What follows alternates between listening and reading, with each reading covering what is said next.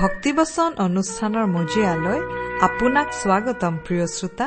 আজিৰে পবিত্ৰ ক্ষণতে উজলি উঠা খ্ৰীষ্টৰ জ্যোতি। প্ৰিয় শ্ৰোতা ভক্তিবচন অনুষ্ঠানৰ আজিৰ এই নতুন কাৰ্যসূচীত আপোনাক আকৌ লগ পোৱাৰ বাবে ধন্যবাদ। বাইবেল শাস্ত্ৰৰ এই শিক্ষাসমূহে আপোনালৈ আশীৰ্বাদ কঢ়িয়াই আনিছে বুলি আশা কৰিছো।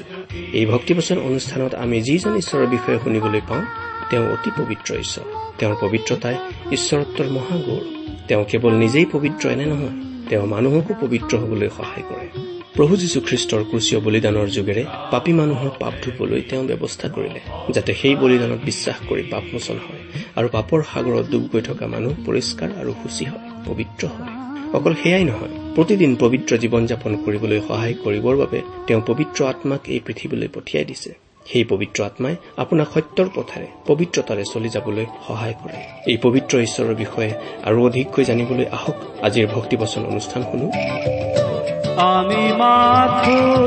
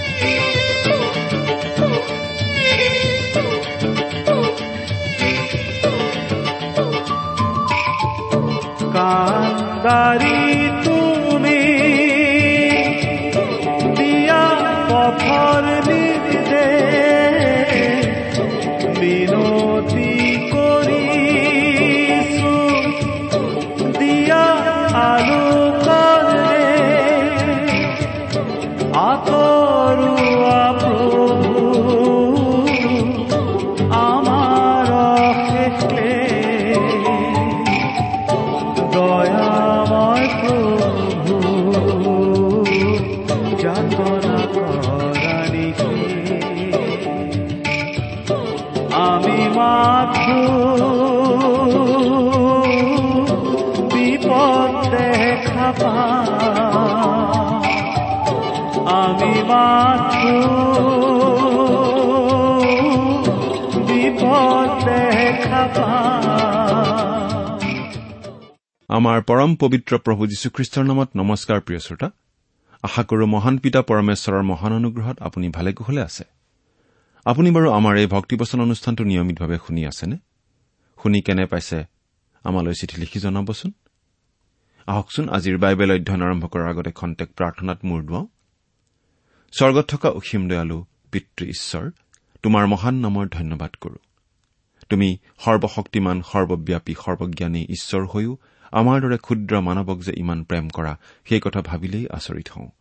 তুমি আমাক ইমানেই প্ৰেম কৰিলা যে আমাক পৰিত্ৰাণ দিবলৈ তুমি তোমাৰ একেজাত পুত্ৰ যীশুখ্ৰীষ্টকেই আমালৈ দান কৰিলা। তেওঁ ক্ৰুচত নিজৰ পবিত্ৰ তেজেৰে আমাৰ পাপৰ প্ৰাচিত্য কৰিলে। আজি তেওঁত বিশ্বাস কৰি আমি অনন্ত জীৱন লাভ কৰি তোমাক পিতৃ বুলি মাতিব পৰা হৈছো। তাৰ বাবে তোমাক অশেষ ধন্যবাদ পিতা। এতিয়া আমি তোমাৰ মহান বাক্য বাইবেল শাস্ত্ৰ অধ্যয়ন কৰিবলৈ ওলাইছো প্ৰাৰ্থনা কৰিছো তোমাৰ বাক্য তুমিয়েই আমাক বুজাই দিয়া। এই অনুষ্ঠান শুনি থকা আমাৰ মৰমৰ শ্ৰোতাসকলক তুমি উপচি পৰাকৈ আশীৰ্বাদ কৰা। কিয়নো এই প্ৰাৰ্থনা আমাৰ মহান ত্ৰাণকৰ্তা মৃত্যুঞ্জয় প্ৰভু যীশুখ্ৰীষ্টৰ নামত আগবঢ়াইছো।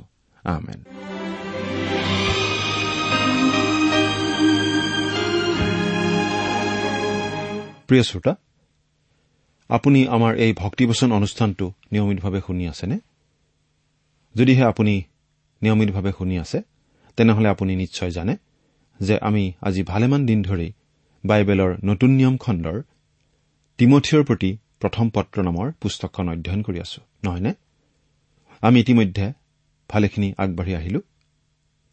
যদিহে আপুনি আমাৰ যোৱা অনুষ্ঠানটো শুনিছিল তেতিয়াহ'লে আপোনাৰ নিশ্চয় মনত আছে যে যোৱা অনুষ্ঠানত আমি এই প্ৰথম তিমঠি পুস্তকৰ চাৰি নম্বৰ অধ্যায়ৰ ষোল্ল নম্বৰ পদলৈকে পঢ়ি আমাৰ আলোচনা আগবঢ়াইছিলো। গতিকে আজিৰ অনুষ্ঠানত আমি এই প্ৰথম তিমঠি পুস্তকৰ পাঁচ নম্বৰ অধ্যায়ৰ এক নম্বৰ পদৰ পৰা আমাৰ আলোচনা আগবঢ়াব খুজিছো। পাঁচ নম্বৰ আৰু ছয় নম্বৰ দুয়োটা অধ্যায়তেই আমি পাওঁ খ্ৰীষ্টীয় মণ্ডলীত বিভিন্ন বাবদ থকা লোকসকলৰ দায়িত্ব আৰু কৰ্তব্য আদিৰ কথা। মুঠতে আমাৰ ব্যৱহাৰিক জীৱনৰ সৈতে সম্পৰ্ক থকা বিভিন্ন কথা আমাক ইয়াত জনোৱা হৈছে। ইয়াত গা ৰাইজাই কৰি যোৱা গল্প কথা কোৱা হোৱা নাই। কিন্তু অতি বাস্তৱিক দৈনন্দিন জীৱনৰ সৈতে জড়িত ব্যৱহাৰিক খুটি নাটি কথা কিছুমান আমাক কোৱা হৈছে। যিবোৰ কথা আমি আচলতে অৱহেলা কৰিব নোৱাৰো যিবোৰ কথা আমি এৰাই চলিব নোৱাৰো। প্ৰথমতেই আমি পাওঁ স্থানীয় মণ্ডলীৰ পৰিচাৰক আৰু মণ্ডলীৰ বিভিন্ন গোটৰ মাজত থকা সম্বন্ধৰ কথা। আমি পাঠ কৰি দিম। পাঁচ নম্বৰ অধ্যায়ৰ এক নম্বৰ পদ। আপোনাৰ লগত যদি বাইবেল আছে অনুগ্ৰহ কৰি চাই যাব। যদিহে বাইবেল নাই আমি পাঠ কৰি দিলে অনুগ্ৰহ কৰি মন দি শুনিব। পাঠ কৰি দিছো পাঁচ নম্বৰ অধ্যায়ৰ এক নম্বৰ পদ। বৃদ্ধ লোকক নহকিয়াবা। কিন্তু তেওঁক পিতৃৰ নিচিনাকৈ ডেকাবিলাকক ভাইৰ নিচিনাকৈ। এয়া পাচনি পৌলে তিমঠিয়ক বিশেষভাৱে দিয়া উপদেশ। প্ৰথমটো সম্বন্ধ হৈছে মণ্ডলীৰ বৃদ্ধ লোকবিলাকৰ সৈতে। তিমঠি আছিল মণ্ডলীৰ পালক গতিকে পালক হিচাপে মণ্ডলীৰ বৃদ্ধ লোক আৰু ডেকাসকলৰ লগত কেনেকুৱা সম্বন্ধ হোৱা উচিত সেই কথা পৌলে ইয়াত সোঁৱৰাই দিছে। ইয়াত পৌলে তিমঠিক মণ্ডলীৰ অধ্যক্ষসকলৰ প্ৰতি এনে ব্যৱহাৰ কৰিবলৈ কৈছে নে বয়সত বৃদ্ধসকলৰ প্ৰতি এনে ব্যৱহাৰ কৰিবলৈ কৈছে? সেই বিষয়ে বেলেগ বেলেগ মত দিয়া দেখা যায়। আদিমণ্ডলীত বৃদ্ধ মানে মণ্ডলীৰ এটা বিশেষ বাব বা পদবীক বুজোৱা হৈছিল। তেওঁ বয়সত বৃদ্ধ নহবও পাৰে। কিন্তু ইয়াত ব্যৱহাৰ কৰা শব্দটোৱে বয়সত বৃদ্ধ লোকসকলকহে আচলতে বুজাইছে। কিন্তু আমি হলে ভাবো যে পাচনি পৌলে দুয়োটা দিশৰ প্ৰতি লক্ষ্য ৰাখিয়েই এই কথাখিনি লিখিছিল। তেওঁ বয়সত পৰিপক্ক বিশ্বাসত পৰিপক্ক খ্ৰীষ্টীয় বিশ্বাসীৰ কথাও বুজাইছিল। আৰু মণ্ডলীৰ বৃদ্ধ বুলি সেই বিশেষ পদবীত থকা লোকসকলৰ কথাও বুজাইছিল। সেই বৃদ্ধসকল বয়সত বৃদ্ধ অৱশ্যে নহবও পাৰে। সেই বৃদ্ধক তেওঁ নিজৰ পিতৃৰ নিচিনাকৈ ব্যৱহাৰ কৰিব লাগিব বুলি ইয়াত কোৱা হৈছে। অৰ্থাৎ পিতাকক যেনেকৈ কোনেও সমাজৰ আগত টানকৈ নকয় কোনেও সমাজৰ আগত অপমান নকৰে। তেনেকৈ তিমঠিয়েও বৃদ্ধসকলৰ প্ৰতি ব্যৱহাৰ কৰিব লাগিব। বৃদ্ধসকলক আনৰ আগত একো টানকৈ ক'ব নালাগিব। কিবা ক'ব লগা হলে ব্যক্তিগতভাৱে অকলশৰীয়াকৈ মাতি নি আনে নজনাকৈ বা আনে নুশুনাকৈ ক'ব লাগিব। তিমঠি আছিল ডেকা। গতিকে মণ্ডলীৰ এই বৃদ্ধসকলৰ লগত ব্যৱহাৰ কৰাৰ ক্ষেত্ৰত তেওঁ অতি সাৱধানে আৰু কৌশলেৰে ব্যৱহাৰ কৰিব লাগিব। অৰ্থাৎ তেওঁ নিজে সকলো জানে বুলি দেখুৱাব নালাগিব নাইবা এজন একনায়কত্ববাদী শাসকৰ দৰেও তেওঁ ব্যৱহাৰ কৰিব নালাগিব। তেওঁলোকক তেওঁ উৎসাহহে দিব লাগিব আৰু প্ৰয়োজন পৰিলে তেওঁলোকক ব্যক্তিগতভাৱে লগ ধৰিহে কথাখিনি ক'ব পাৰিব লাগিব। তাৰপিছত ডেকাবিলাকৰ বিষয়ে কোৱা হৈছে যে ডেকাবিলাকক তিমঠিয়ে নিজৰ ভাইৰ নিচিনাকৈ ব্যৱহাৰ কৰিব লাগিব। বৃদ্ধসকলৰ লগত যেনেকৈ তিমঠিয়ৰ সমবয়সীয়াবিলাকৰ লগতো তিমঠিয়ৰ মধুৰ সম্বন্ধ থাকিব লাগিব। ইয়াৰ পিছত আমি দুই নম্বৰ পদটো পঢ়ি দিছো। বৃদ্ধাবিলাকক মাতৃৰ নিচিনাকৈ। আৰু যুৱতীবিলাকক ভনীৰ নিচিনাকৈ সম্পূৰ্ণ শুদ্ধতাৰে বিনয় কৰিবা। মণ্ডলীৰ পৰিচাৰকসকলে বিপৰীত লিংগৰ প্ৰতি ব্যৱহাৰত অতি সাৱধান হ'ব লাগে। এই ক্ষেত্ৰত যদি কিবা পাপ ঘটে সেইটোৱে খ্ৰীষ্টীয় মণ্ডলীক সকলোতকৈ বেছি আঘাত কৰে। আৰু বহুতো স্থানীয় মণ্ডলীৰ পৰিচৰ্যা এনেকুৱা ধৰণৰ পাপৰ বাবেই একেবাৰে নষ্ট হৈ গৈছে। যদি মণ্ডলীৰ কোনো পৰিচাৰকে এনেকুৱা ধৰণৰ পাপত লিপ্ত হোৱাৰ ফলস্বৰূপে সেই মণ্ডলী ত্যাগ কৰি যাবলগীয়া হয় তেতিয়া সেই মণ্ডলী আম্মিকভাৱে মৃতপ্ৰায় হৈ পৰা দেখা যায়। এনেকুৱা অভিজ্ঞতাই মণ্ডলীটোৰ আম্মিক জীৱন একেবাৰে ধ্বংস কৰি পেলায়। আধুনিক নৈতিকতাই খ্ৰীষ্টীয় মণ্ডলীত একো স্থান পোৱা উচিত নহয়। আৰু আধুনিক নৈতিকতা খ্ৰীষ্টীয় মণ্ডলীত কেতিয়াও নাখাটে। আমি দেখিবলৈ পালো যে পাচনি পৌলে তিমঠিয়ক উপদেশ দিছে পুৰুষৰ লগত বৃদ্ধ আৰু ডেকা কেনে ব্যৱহাৰ কৰিব লাগে? আৰু নাৰী বয়সীয়া আৰু কম বয়সীয়া সকলৰ লগত কেনে ব্যৱহাৰ কৰিব লাগে সেই বিষয়ে। এতিয়া তৃতীয়টো দলৰ সৈতে কেনে সম্বন্ধ হ'ব লাগে সেই বিষয়ে কৈছে। আমি চাওঁ তিনি নম্বৰ পদত যিবিলাক স্বৰূপেই বিধৱা সেই বিধৱাবিলাকক সমাদৰ কৰা। প্ৰিয় শ্ৰোতা আদি মণ্ডলীয়ে মণ্ডলীৰ বিধৱা লোকসকলৰ বিশেষ যত্ন লৈছিল আৰু এই ক্ষেত্ৰত তেওঁলোক অতিশয় সচেতন আছিল। পাচনি কৰ্ম ছয় নম্বৰ অধ্যায়ত আমি পাইছিলো যে আচলতে বিধৱাসকলক যত্ন লোৱাৰ দায়িত্বটোক লৈয়েই মণ্ডলীত যথেষ্ট কাম বাঢ়িছিল আৰু সেইবাবে পৰিচাৰকৰ নিযুক্তি দিব লগা হৈছিল। বিধৱাসকলক কেনেদৰে যত্ন ল'ব লাগে সেই বিষয়ে ইয়াত পৌলে বিশেষ নিৰ্দেশনা দিছে। ঈশ্বৰৰ বাক্য অতি ব্যৱহাৰিক। ই অৰ্থহীন আৱেগত জোৰ নিদিয়ে। কিন্তু ব্যৱহাৰিক জীৱনৰ ব্যৱহাৰিক বিষয় স্পৰ্শ কৰে। খ্ৰীষ্টীয় বিশ্বাসীসকল দয়ালু বুলি সাধাৰণতেই জগতখনেই জানে।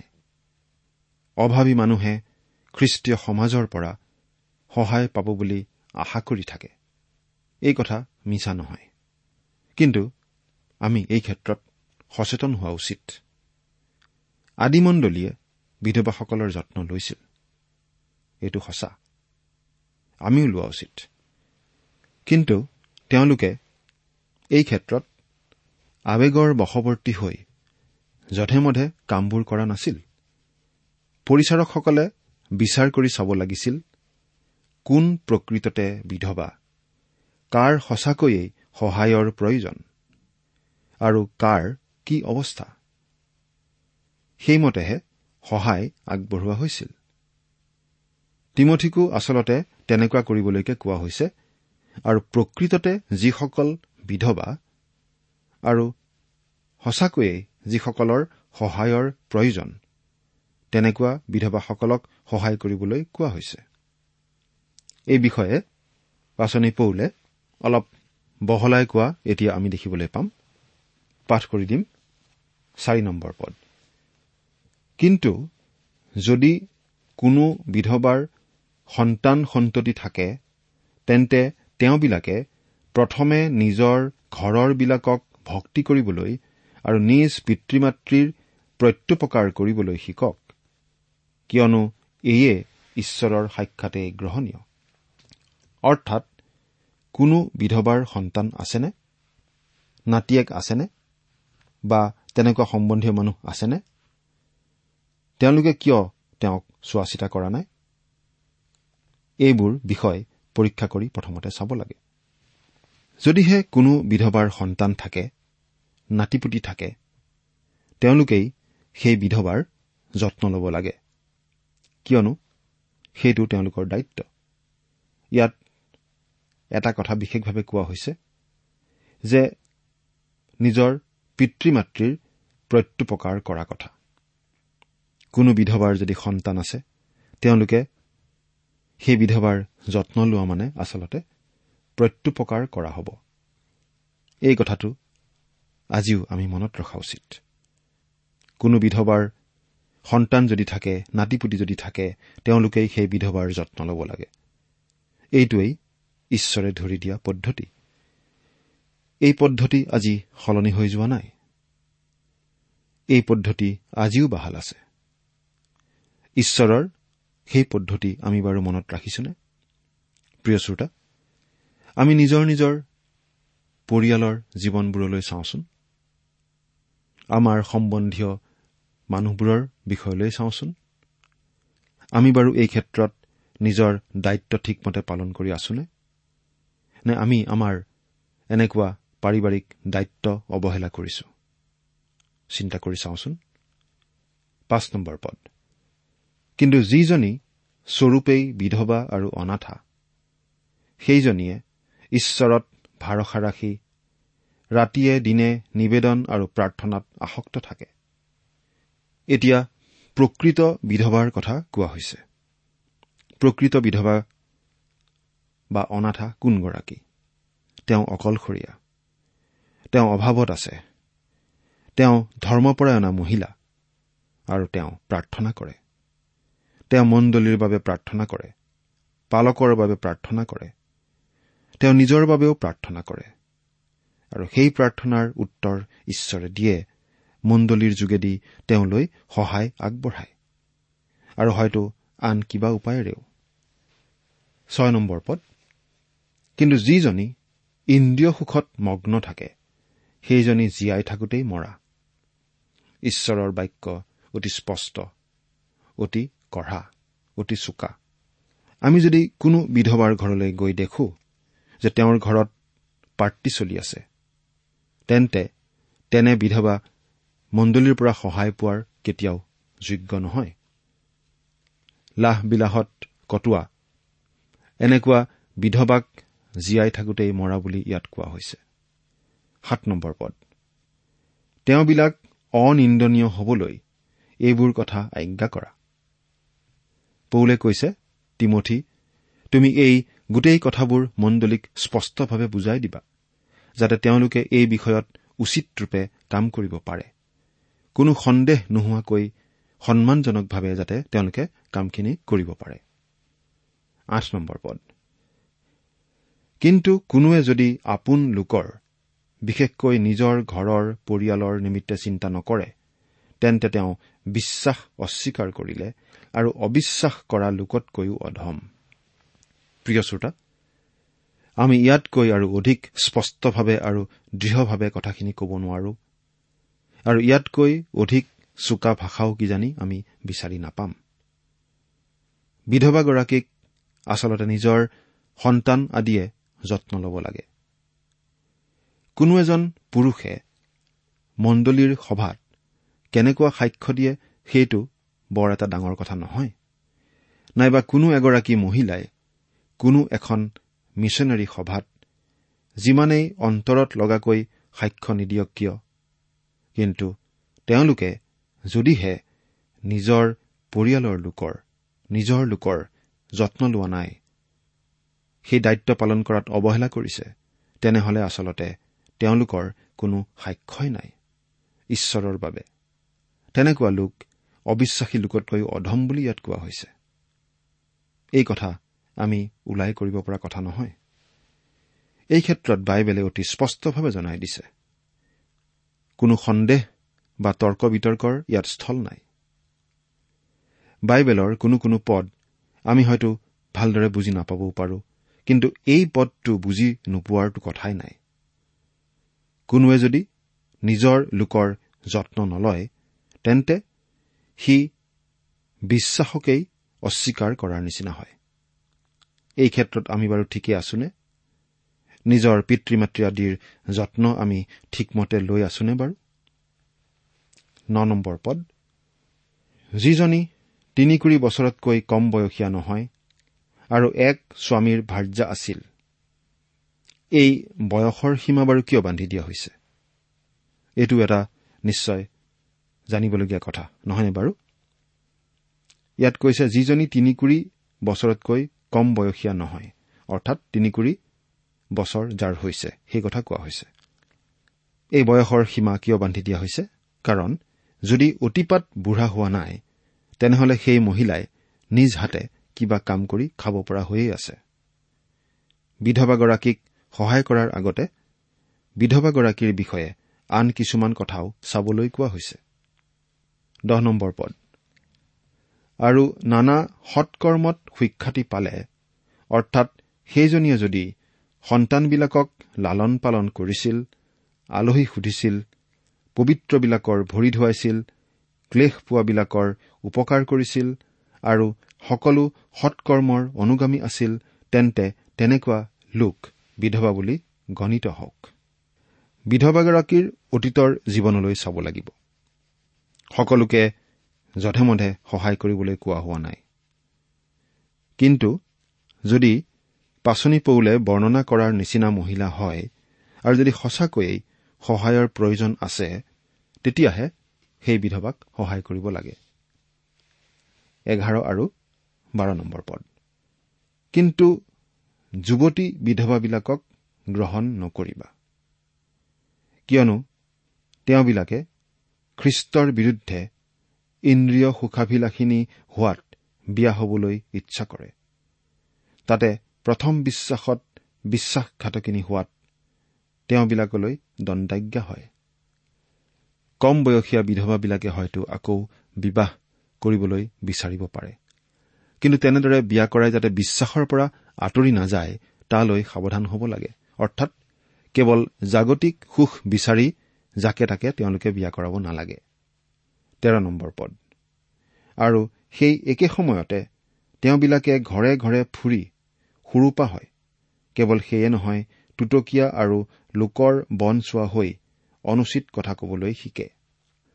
আনহাতে কম বয়সীয়া বিধৱাবোৰে কৰিবলৈ একো কাম নথকাত এনেদৰে ঘৰে ঘৰে পৰচৰ্চা কৰি ঘূৰি ফুৰি গোটেই মণ্ডলীৰেই আচলতে হানি কৰাৰ সম্ভাৱনা থাকে। চৈধ্য নম্বৰ পদ। এতেকে মোৰ আজ্ঞা এই যুৱতী বিধৱা বিয়া হওক সন্তান উৎপন্ন কৰক গৃহিণীৰ কৰ্ম কৰক আৰু তিৰস্কাৰৰ অৰ্থে বিপক্ষক কোনো চল নিদিয়ক। সেইবাবে কম বয়সীয়া বিধৱা মহিলাই বিয়া কৰোৱাই ভাল বুলি পৌলে জনাই দিছে।